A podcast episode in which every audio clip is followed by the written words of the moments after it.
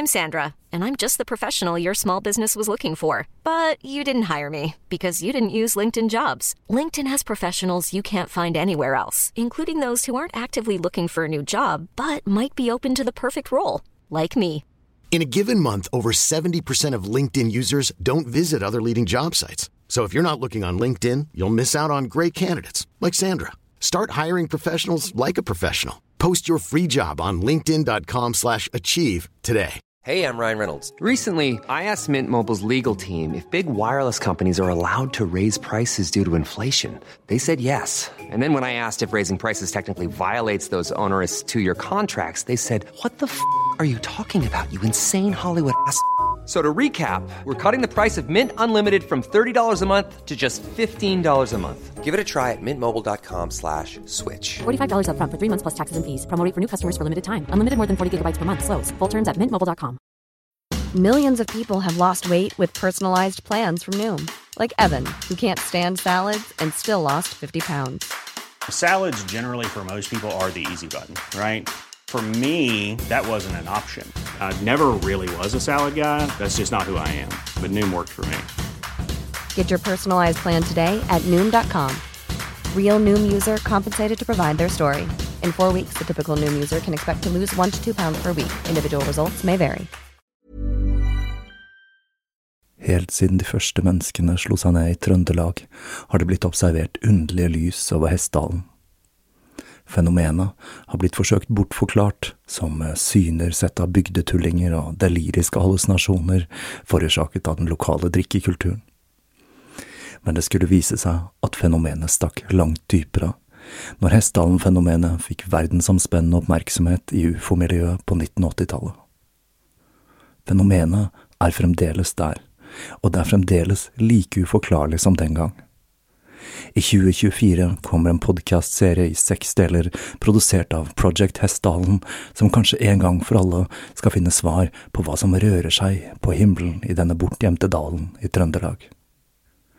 Serien har som seg hør og bør fått tittelen A Blaze in the Northern Sky, og den kommer til din favorittpodkastavspiller i 2024.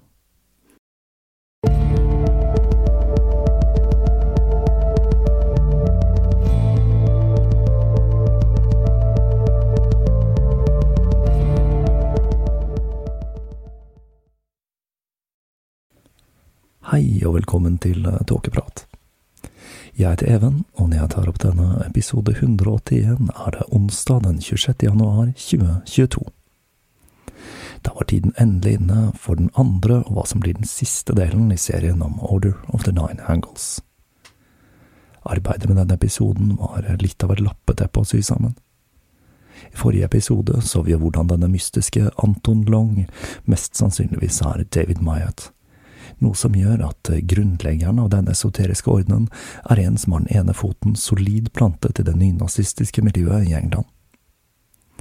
I denne episoden skal vi derimot ha et litt annet fokus, og se litt nærmere på det esoteriske systemet Order of the Nine Angles er bygget på, i tillegg til hvordan bevegelsen etter hvert skulle bli et internasjonalt fenomen, med en rekke forgreninger til ulike okkulte og nynazistiske grupper. Som jeg nevnte i forrige episode, så er systemet til Order of the Nine Angles ganske så innfløkt, og det blir raskt tydelig at David Myatt må ha en ganske inngående kjennskap til andre esoteriske systemer. I denne episoden skal vi også se litt nærmere på det fenomenet som har gjort at Order of the Nine Angles skiller seg ut fra de fleste andre sataniske grupperinger, nemlig menneskeofring, og hvordan og hvorfor de utfører disse. Og med det tror jeg vi bare kaster oss rett inn i Order of the Nine Angles kullsvarte verden.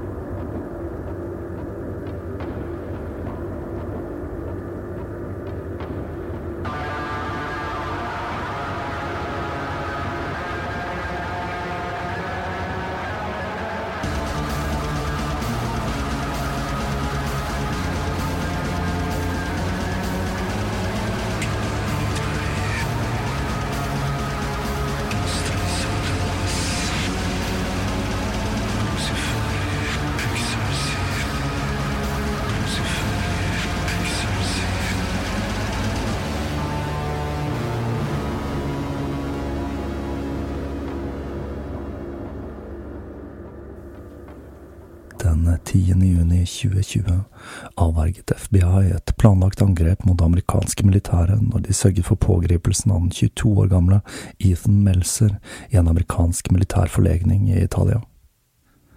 Han ble tiltalt for konspirasjon og planlegging av drap på amerikansk militært personell, og for å utlevere klassifisert materiale til terrorister.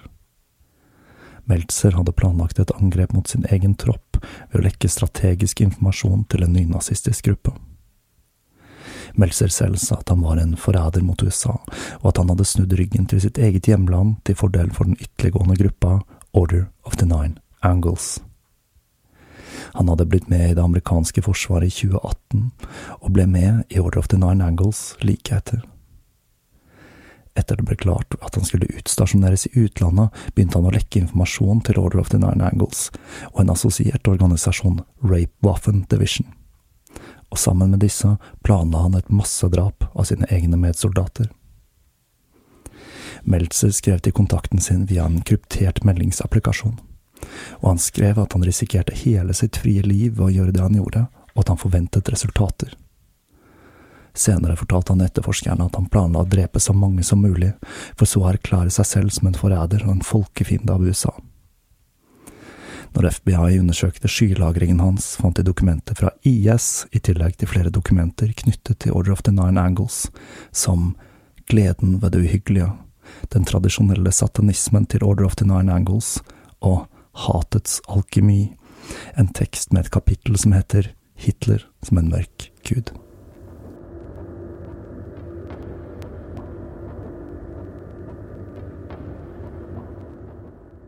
Så la oss nå se litt nærmere på litteraturen til Order of the Nine Angles.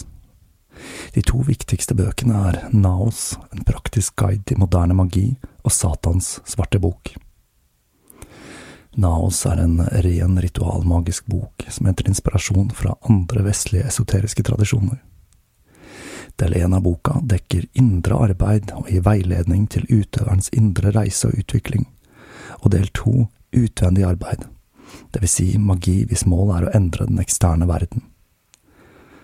En annen definisjon på disse to typene magi er jo høymagi og lavmagi.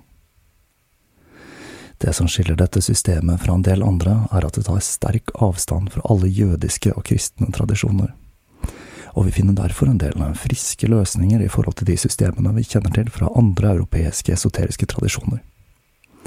Ifølge Order of the Nine Angles forhindrer nemlig den jødisk-kristne religionen utviklingen til menneskeheten, og det er også derfor gruppen ofte blir puttet i paganist-kategorien. Gruppen har til og med sin egen tarotstokk, det uhyggelige tarotet, som oppfordres til å brukes som en del av initieringsprosessen. Grunnpilaren i Naos er den syvdelte veien, en prosess der man jobber seg gjennom et gradsystem Navnet Order of the Nine Ankles skal visstnok blant annet referere til nettopp denne syvdelte veien, med to ekstra elementer som er selve systemet, samt kandidaten som beveger seg gjennom gradene. Så la oss se litt på denne syvdelte veien. Den er sammensatt av de følgende syv gradene. Første grad initiering eller neofyte. Andre grad andregrads initiering. Tredje grad ytre mester. Fjerde grad indre mester. Femte grad ypperste prest eller prestinne. Sjette grad stormester. Og den sjuende graden er udødelig. Hver grad er representert på det vyrdiske treet, som er et slags ikke-kabalistisk, eller si ikke-jødisk alternativ til Sefiriot. Her finner vi solen i midten, omgitt av Saturn, Mars, Venus, månen, Merkur og Jupiter, og disse er bundet sammen av veier som refererer til gruppens eget tarot.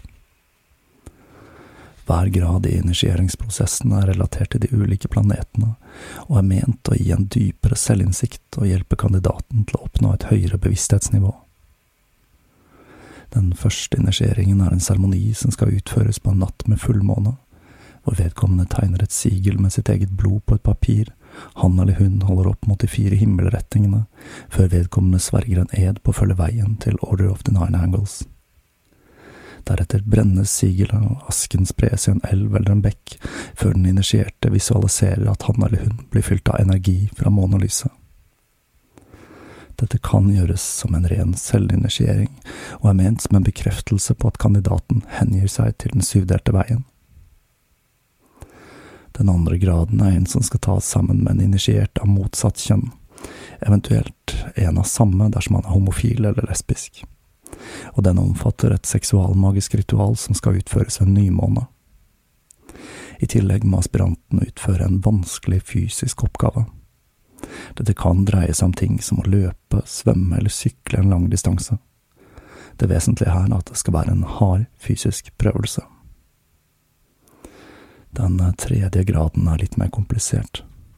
Den dreier seg om å lage og lære seg å spille et spill som ble laget av Mayat, og som heter Det syvdelte stjernespillet. Målet med dette spillet er å lære seg en ny måte å tenke på, slik at hjernen ser verden gjennom den syvdelte veien, og det å bli dyktig i dette spillet skal være en måte å utvikle seg fra de lavere til de høyere bevissthetsnivåene. Den andre delen av tredjegradsinnvielsen finner sted på en bakketopp, langt fra menneskelig bebyggelse, hvor kandidaten må kle seg svart og ligge på bakken mens han stirrer øst en hel natt uten å sove. Dersom han sovner, må man gjennomføre hele greia på nytt. For den fjerde initieringen må kandidaten først lære seg å fullstendig mestre dette stjernespillet, for så å leve som en eremitt uten kontakt med noen andre mennesker i minst tre måneder. Denne perioden i isolasjon skal kandidaten bruke seg til å lære seg en vanskelig oppgave, som for eksempel å lære seg å spille et instrument. Den femte graden involverer å bære med seg et krystalltetrahedron, vil si en krystallpyramide med tre sider, minst 13 mil bort fra sivilisasjonen, til et vann der pyramiden skal vaskes mens kandidaten messer ordet kaos. Ritualene for den sjette og sjuende graden er ikke kjent utenfor de innerste sirklene i Order of the Nine Angles. Ifølge gruppen selv så er det svært få mennesker som har oppnådd den femte graden. Så hvem, om noen i det hele tatt, har oppnådd den syvende graden, udødelig, det er ikke kjent, men det må jo i så fall være Anton Long selv. En viktig del av Naos er de 21 mørke gudene som er tidløse og kaotiske krefter som kan manifesteres av kandidater som har utviklet seg langt nok på den syvdelte veien.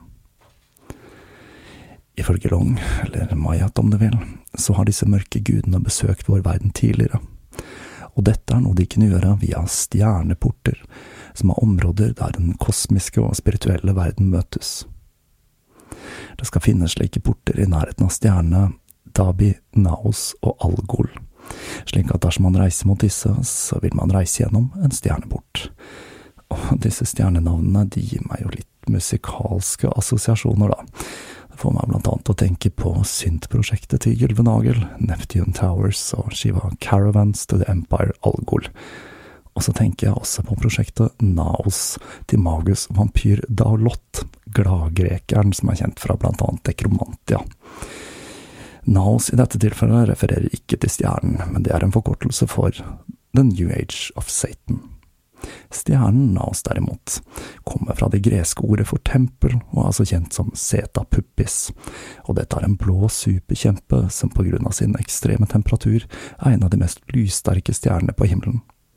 Dette er også en av de få stjernene i den klassen som er synlige med det blotte øyet, for de av dere som lurte på det. I tillegg så er det jo vanskelig å ikke tenke på Maria Orsik her, og at kanskje nazistene brukte disse flygende tallerkenene til å nå stjerneportene, slik at de nå er en del av dette intergalaktiske nazisatanistføderasjonen, eller hva det nå enn er. Uansett. Den andre boka, Satans svarte bok, er en praktisk veiledning til satanisk seremoniell magi, og er ment å la utøveren få utløp for sine mørke og kjødelige lyster. Her finner vi en beskrivelse av hvordan et tempel skal innredes. Av inventar til tempelet finner vi blant annet en stor krystall, aller helst en slik tresidet pyramide, offerkniv og annet krimskrams. Det som kanskje fascinerer meg aller mest her, er at de har en ganske unik fremstilling av Bafomet, som feminin, med bare bryster, og som holder et avkappet hode i sin venstre hånd og en brennende fakkel i sin høyre. Som vi husker fra tidligere episoder, så er den mest kjente fremstillingen av Bafomet, vil si Elipas Levi sin, som jeg har min egen strikkende versjon av, en som er androgyn, og som er et slags hermetisk yin-yang-symbol, mens Baphomet i Order of the Nine Angles sin mytologi er herskerinnen av jorden og Lucifers make. Boka inneholder selvsagt oppskriften på Order of the Nine Angles sin versjon av en svart messe, som ikke uventet inneholder elementer med sex og masse kultister i svarte kapper, håndveiving og messing, så det er ikke så mye nytt å hente der men vi finner en annen svært interessant messe i boka, nemlig Kjettermessen, og her dukker det plutselig opp esoterisk hitlerisme. Her skal man benytte seg av et naziflagg samt en kopi av Mein Kampf, og ritualet åpnes med en erklæring der man anerkjenner at Hitler var et sendebud fra gudene, og at holocaust er en myte som er laget for å slavebinde den ariske rasen. Denne esoteriske hitlerismen er en som går igjen i de ulike gruppene tilknyttet Order of the Nine Angles. Jeg biter meg blant annet merke i at gruppen som er aktiv i vårt naboland, ser ut til å lene seg hardt på den biten der. Dette er altså de to sentrale bøkene i læren til gruppen. Men det finnes et vell av annen litteratur, og de gir stadig ut nye bøker fra ulike nexions. Et nexion er, som jeg sa i forrige episode, en enklave av Order of the Nine Angles, tilsvarende Church of Satans sine grotter. Men et nexion tar det hele et skritt lenger, og hevder å fungere som en portal for disse mørke gudene. Grunnen til at gruppen er delt inn på denne måten, i hemmelige og noen ganger ikke fullt så hemmelige autonome enklaver, handler om sikkerhet og effektivitet og Nexionene skal sørge for at medlemmene har minst mulig kontakt med medlemmer i andre grupper. Når et medlem oppnår den femte graden i den syvdelte veien, kan han eller hun starte sitt eget nexion. Det at Order of the Nine Angles ikke har noe sentralt styre, og består av disse selvdrevne cellene, gjør at det er så å si umulig å danne seg et komplett bilde av organisasjonen. Men man regner med at den består av mellom 1000 og 2000 medlemmer i dag. I den andre delen av litteraturen til Order of the Nine Angles finner vi også en del skjønnlitteratur som i Deofel-kvartetten, eller Djevelkvartetten, som er en samling med historier fortalt av blant annet Anton Long. Dette er en samling med fire bøker, hvor vi blant annet finner hva som må kunne kalles murder porn i ordets rette forstand. For nå er det på tide å slutte å ro rundt grøten her, og ta tak i praksisen som har gjort at Order of the Nine Angles er en av de mest beryktede grupperingene innen nyreligiøsitet, nemlig utslakting eller kølling. Og der sa jeg noe. Er Order of the Nine Angles en New Age-gruppe? Der ga jeg dere noe å tenke på der. De er i hvert fall glad i krystaller, og siden satanismen til Order of the Nine Angles ofte omtales som neosatanisme, så tror jeg faktisk de faller ned i New Age-kategorien. En sentral del av praksisen til gruppen er altså en praksis de refererer til som culling. Culling er den engelske terminologien for utslakting av en dyrepopulasjon, og det er så spesifikt for ordbruken til Order of the Nine Angles at jeg velger å bruke culling i denne serien når jeg omtaler menneskeofringen til gruppen. Et annet begrep de bruker, er det tyske Opfer, og dette er buzzwords om man er på jakt etter Order of the Nine Angles på nett. For gruppen er holdningen en satanist har til denne praksisen, en som skiller de ekte satanistene fra lekesatanistene, derav denne hissige brevskrivingen mellom Mayat og Temple of Set. Dersom man skal stige gradene til Order of the Nine Angles, er det å gjennomføre en slik kølling essensielt. I litteraturen skiller de mellom medlemmer og de på utsiden ved å omtale ikke-medlemmer som dagligdagse Litt som i Harry Potter, hvor de som ikke er trollmenn, er muggles. Så kanskje Jehovas vitner hadde rett, og at Harry Potter egentlig dreier seg om satanisme. Hvem vet? Ifølge mytologien deres har satanister alltid benyttet seg av ofring. I tidligere tider ofret de både mennesker og dyr, forteller de, men nå om dagen er det kun menneskeoffer som gjelder, da det er så mange å ta av. Denne typen offer er ikke noe som trenger å utføres i en rituell setting, men det kan også dreie seg om krig, snikmord opptøyer og andre hendelser som muliggjør en culling. Målet er å luke ut individer som ikke passer inn i Order of the Nine Angles sitt idealsamfunn, og samtidig bygge karakteren til den som utfører drapet. De skiller mellom to typer culling, individuell og kollektiv. Ved et individuelt offer finner man en person som har vist sin råtne menneskekarakter, og som ikke fortjener en fortsatt eksistens. Og et kollektivt offer kan oppnås ved å stelle i stand opptøyer, voldelige demonstrasjoner, terror og lignende, gjerne iscenesatt med magiske midler. Når man skal finne ut om en person er et egnet offer, gjennomfører man en test for å avsløre om vedkommende er for svak til å kunne bli en homo galacticus, den nye arten menneske. For som vi husker, så er det endelige målet til Order of the Nine Angles å bli en rase intergalaktiske nazisatanister. Her er det, så vidt jeg kan lese ut ifra fiksjonslitteraturen deres, litt ulike tilnærminger. Som for eksempel å finne en overgriper, voldtektsmann, konebanker eller lignende, og snikmyrde vedkommende. Noe kanskje ikke alle har så veldig store problemer med, og mange kanskje til og med syns er helt ok. Men pendelen kan svinge den andre veien òg, og vi finner Nexians som prediker vold mot uskyldige og voldtekt og det gjør jo det hele litt mer problematisk, for å si det forsiktig. Men vi får vel gi dem at de oppfordrer til individualisme og er åpen for annerledestenkende. Det er da i hvert fall noe. Drapet av det utvalgte offeret kan utføres på en slik måte at det hele ser ut som en ulykke. Og med tanke på at dette dreier seg om tilfeldige ofre, og derfor kan være ekstremt vanskelig å spore, så kan man jo undres på hvor utbredt denne praksisen faktisk er. Det som er saken, er at det å finne seg et offer og utføre en kølling er noe som må gjennomføres allerede i den tredje graden ytre mester, for å kunne klatre videre i hierarkiet. Så her holder det altså ikke å veive med hendene i svarte kutter.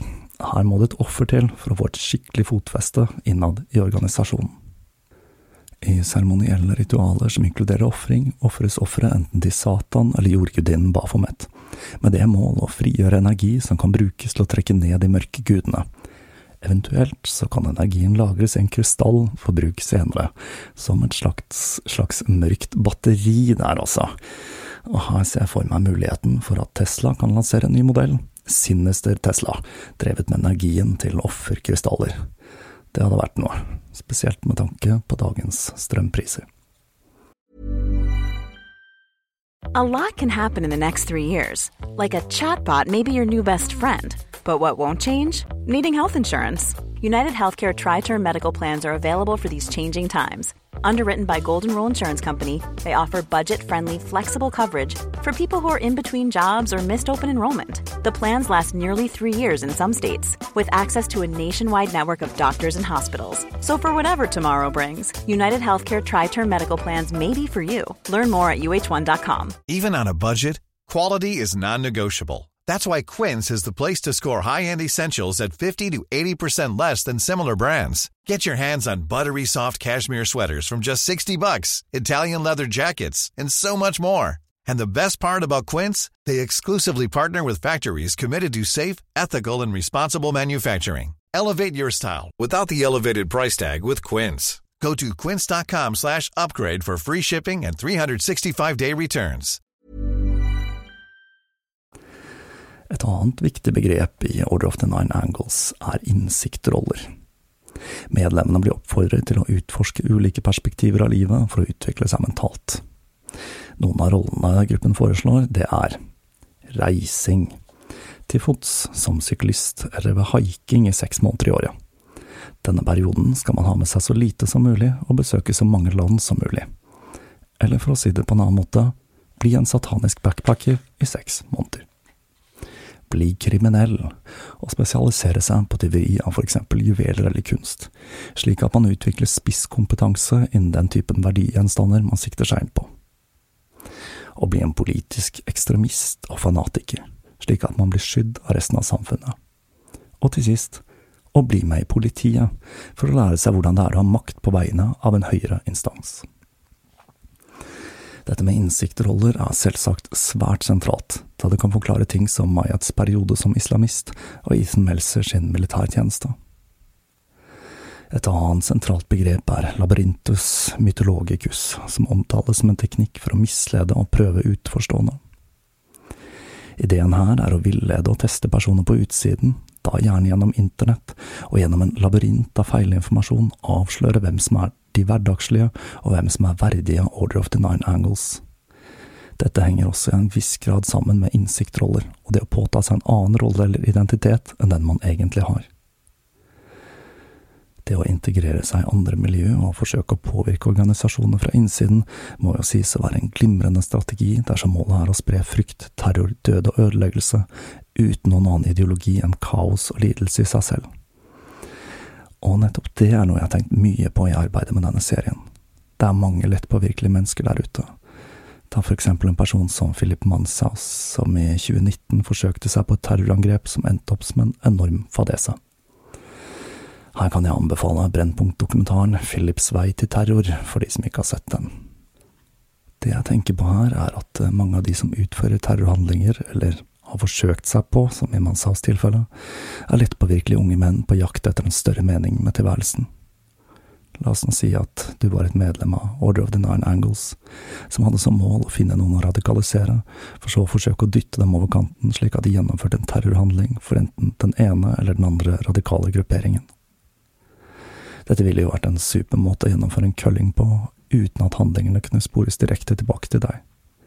Det ville neppe vært så veldig vanskelig å gjennomføre, og man kunne jo gjort dette i kombinasjon med eksempel en innsiktrolle for å gjennomføre enda flere av anbefalingene til gruppen og jeg kommer tilbake til noen tanker jeg har gjort meg rundt dette mot slutten av episoden. Gruppen blir representert i det offentlige rom av såkalte outer heads, og en av de mest fremtredende av disse, det var Richard Malt, best kjent under pseudonymet Christos Beast. Malt skrev blant annet musikk sammen med David Tibet, som grunnla musikkprosjektet Current 93 i 1982, og det gjorde at det begynte å spre seg rykter om en forbindelse mellom Order of the Nine Angles og den britiske musikkundergrunnen.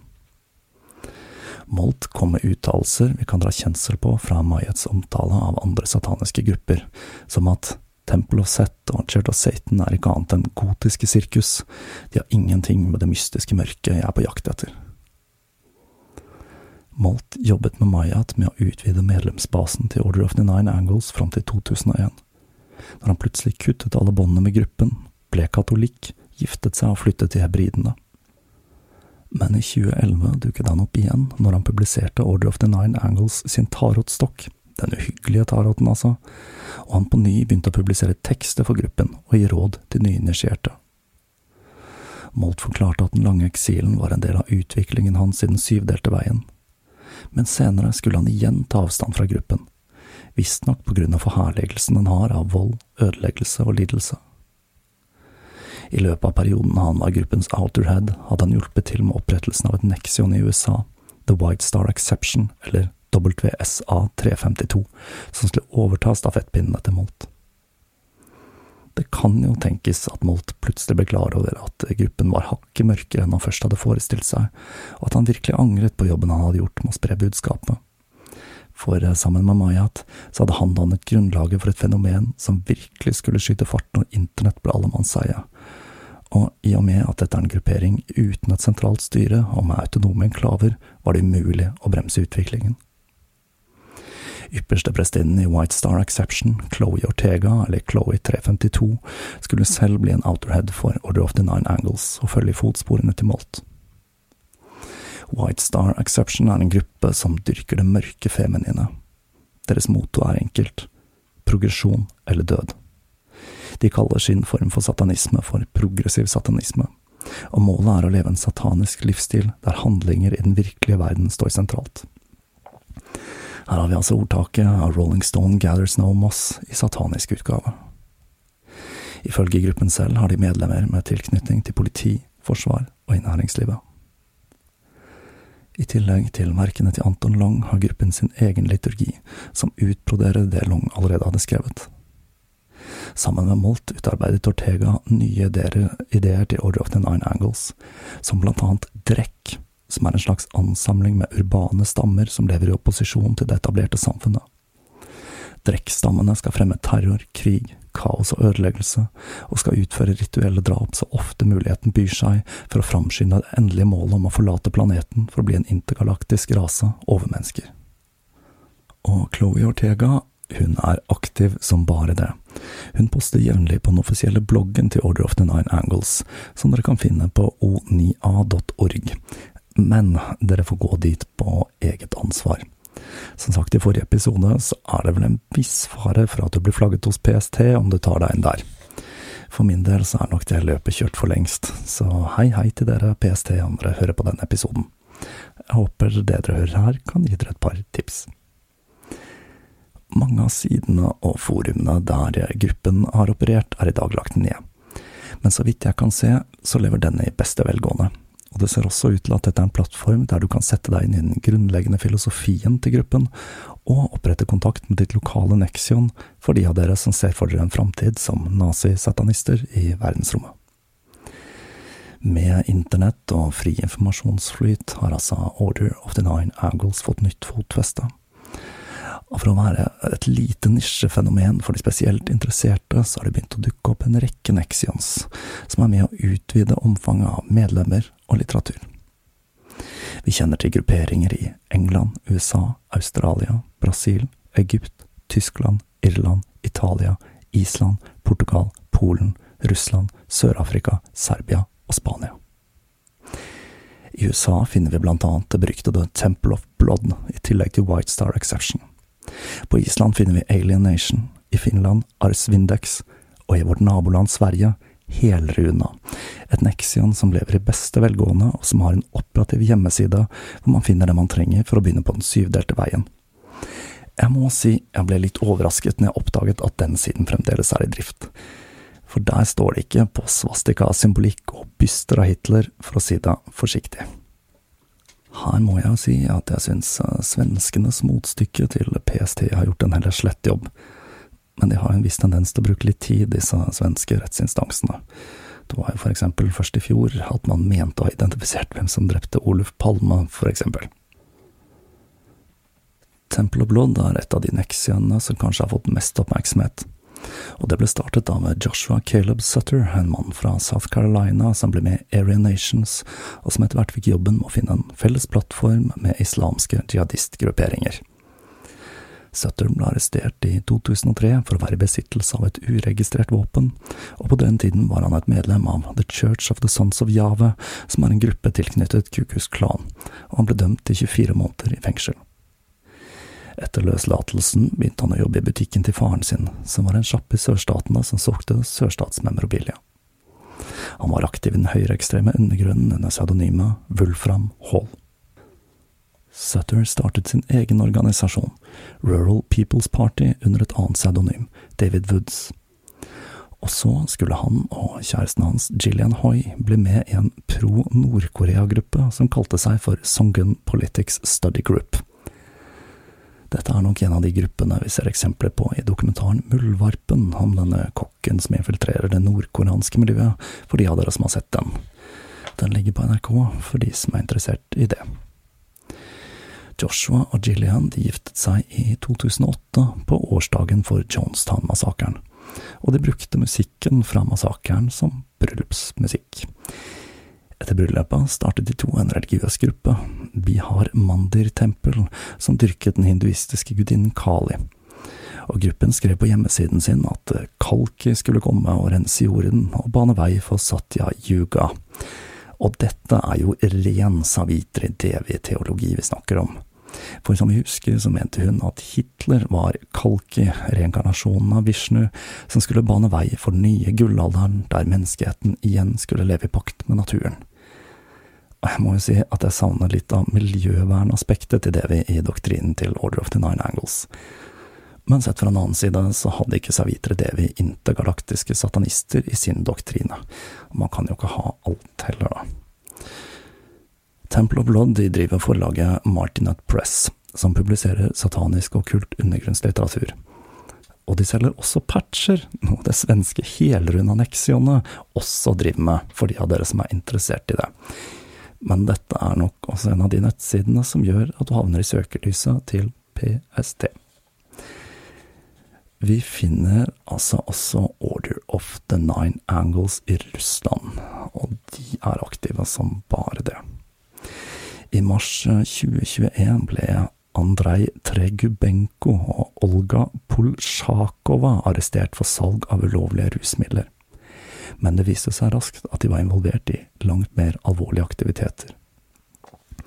De to sto bak et knivdrap som skulle ha vært en del av et satanisk ritual og når man begynte å avhøre de to, kom det frem at de hadde myrdet en moskovitt i 2016 også, også som en del av et ritual.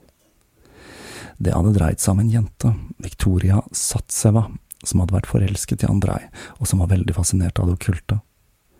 Hun hadde blitt med de to ut i skogen, hvor hun ble knivdrept før de parterte henne og spiste deler av liket i et ritual.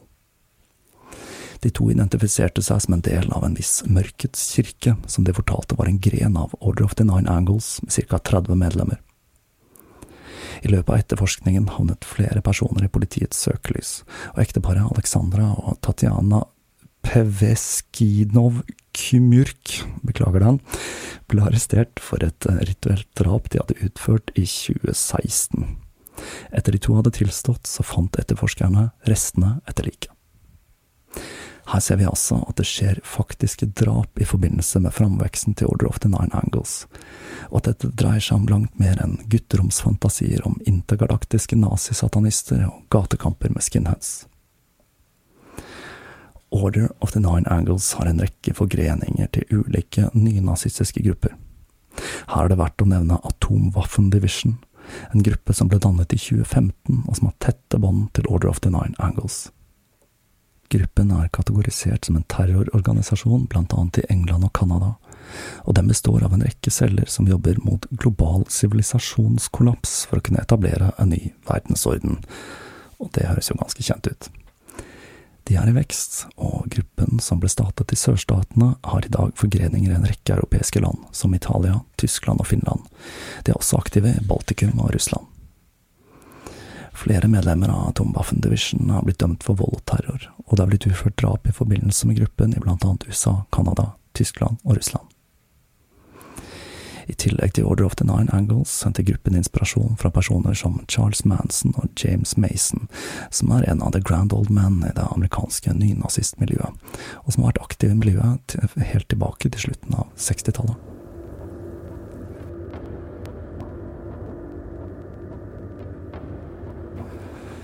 Dette virvaret av nexians og høyreekstreme grupperinger som har som målsetning å spre kaos, død og ødeleggelse, er selvsagt en gavepakke til konspirasjonsfolket, for her er det faktiske konspirasjoner å ta tak i. Men det gjør det også fristende å drive med litt eh, mental gymnastikk. Mens jeg jobbet med denne episoden, skulle dukke opp en sak jeg var litt usikker på om jeg skulle ta tak i. Men jeg bestemte meg til slutt for at dette bare passet litt for bra inn i denne episoden til å la den ligge så her har dere en observasjon fra meg. Kall det gjerne et eh, tankeeksperiment.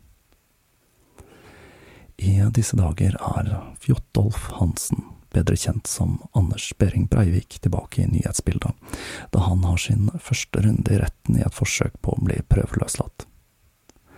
Tragedien den 22. juli er et tema jeg har vurdert en rekke ganger her i Tåkeprat, og jeg laget til og med en episode om min opplevelse av den dagen og tankene jeg har gjort meg rundt den i ettertid men jeg har så langt valgt å ikke publisere denne, da jeg føler at det er så mange stemmer som er viktigere enn min rundt akkurat det som skjedde den dagen. Jeg husker ikke om jeg har nevnt det før, men jeg sitter med en nagende følelse av at eh, til tross for en svært grundig og god rettssak i kjølvannet av hendelsene, så var man litt for ivrig etter å sørge for at Breivik skulle bli stemplet som strafferettslig tilregnelig, slik at han kunne dømmes til en forvaringsstraff. For å få til det dro man inn en rekke vitner som riksrasisten Tore Tvedt, som kunne bekrefte at Breivik ikke var alene i sitt tankegods. Selv så tenker jeg med meg selv at det å begå massedrap av barn og gjøre ting som å gi seg selv medaljer, ikke akkurat plasserer deg i kategorien tilregnelig, i hvert fall i min bok, uten at jeg har noe dypere innsikt i den juridiske betydningen her, og jeg går ut ifra at den definisjonen er litt annerledes enn min bås, sprø som en kjeks. Men det er jo et tankekors at nettopp det å bli erklært utilregnelig og bli stengt inne på lukket avdeling er det siste terroristen ønsket seg. Og det hadde jo også forhindret at han fikk titte frem i lyset hvert andre år, mens han stadig mistet mer og mer grep om virkeligheten. I hans hode skulle han bli henrettet i en offentlig, storslagen henrettelse og bli martyr for sin egen fiktive bevegelse. Men nå blir han altså dratt fram i dagslyset med jevne mellomrom, og får igjen litt av den oppmerksomheten og eksponeringen han lever for. Vi kan vel alle være enige at han ikke fremstår som mer stabil etter ti år i isolasjon. Men det var én ting jeg bet meg merke i. Under seansen i retten sa han at han var blitt radikalisert av Blood and Honor. Blood and Honor er en britisk-basert nynazistisk gruppe som fronter høyreekstrem musikk. Og de er tilknyttet ingen andre enn Combat 18, den voldelige nynazistiske gruppen David Myatt og Order of the Nine Angles er involvert i, og som på samme måte som Order of the Nine Angles har flere internasjonale celler, som blant annet har lyktes med å infiltrere det belgiske forsvaret. Jeg sier ikke at det er en sammenheng der, og mest sannsynlig så dreier det hele seg om rør fra et sykt sinn men det er ikke til å stikke under en stol at angrepet på regjeringskvartalet og Utøya passer som hånd i hanske med hva Order of the Nine Angles driver med. Aktiv oppsøking og radikalisering av svake sjeler for å destabilisere samfunnet og spre terror. Igjen, altså, jeg tror ikke det er en sammenheng der, og jeg satser på at PST har gravd seg gjennom alle digitale spor i forbindelse med den mannen der men dette var bare en rød tråd som var litt for åpenbar for meg til å la den ligge når Blood and Honor plutselig blir nevnt som en inspirasjonskilde til 22. juli.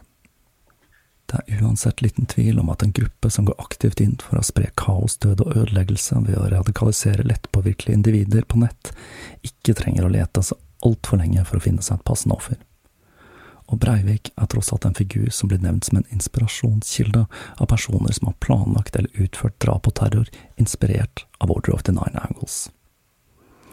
Det store spørsmålet forblir jo hvor stor utbredelsen til gruppen er.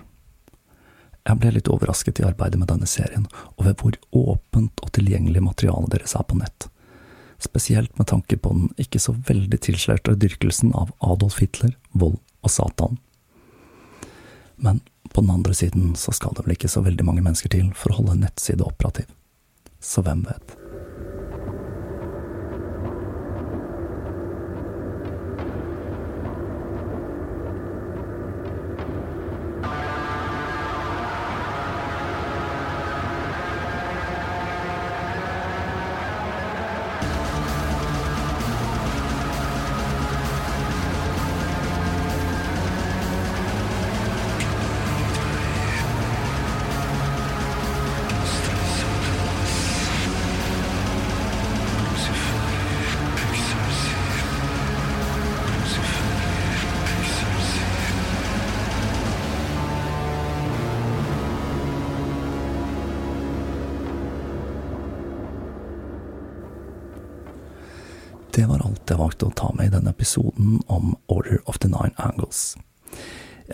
Fortsatt nærmest i det uendelige om alle undergruppene, både på satanist- og nynazistsiden, men jeg kjenner jeg blir temmelig fort mett av nynazistiske organisasjoner, med mindre de har et eller annet ved seg som er veldig unikt, slik som intergalaktiske nazisatanister, stjerneporter og flygende tallerkener.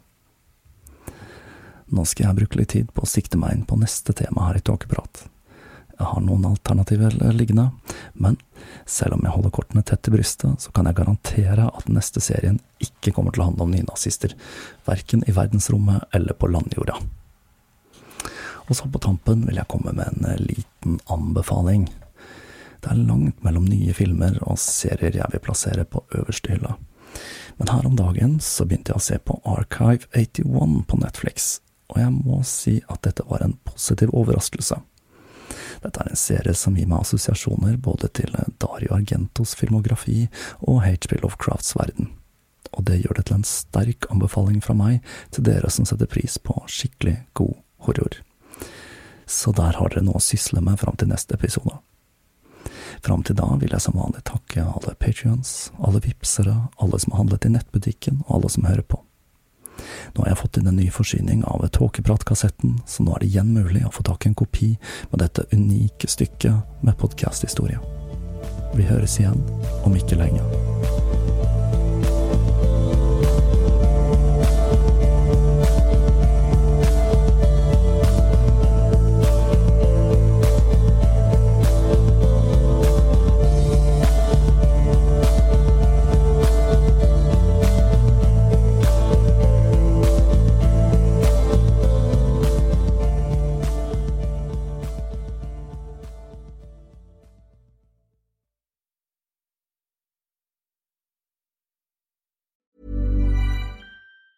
Hey, it's Danny Pellegrino from Everything Iconic.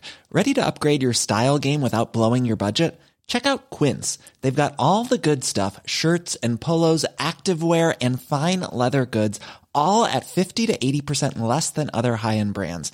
And the best part? They're all about safe, ethical, and responsible manufacturing. Get that luxury vibe without the luxury price tag. Hit up quince.com slash upgrade for free shipping and 365 day returns on your next order. That's quince.com slash upgrade. Hi, I'm Daniel, founder of Pretty Litter. Cats and cat owners deserve better than any old fashioned litter. That's why I teamed up with scientists and veterinarians to create Pretty Litter. Its innovative crystal formula has superior odor control and weighs up to 80% less than clay litter. Pretty Litter even monitors health by changing colors to help detect early signs of potential illness. It's the world's smartest kitty litter. Go to prettylitter.com and use code ACAST for 20% off your first order and a free cat toy. Terms and conditions apply. See site for details.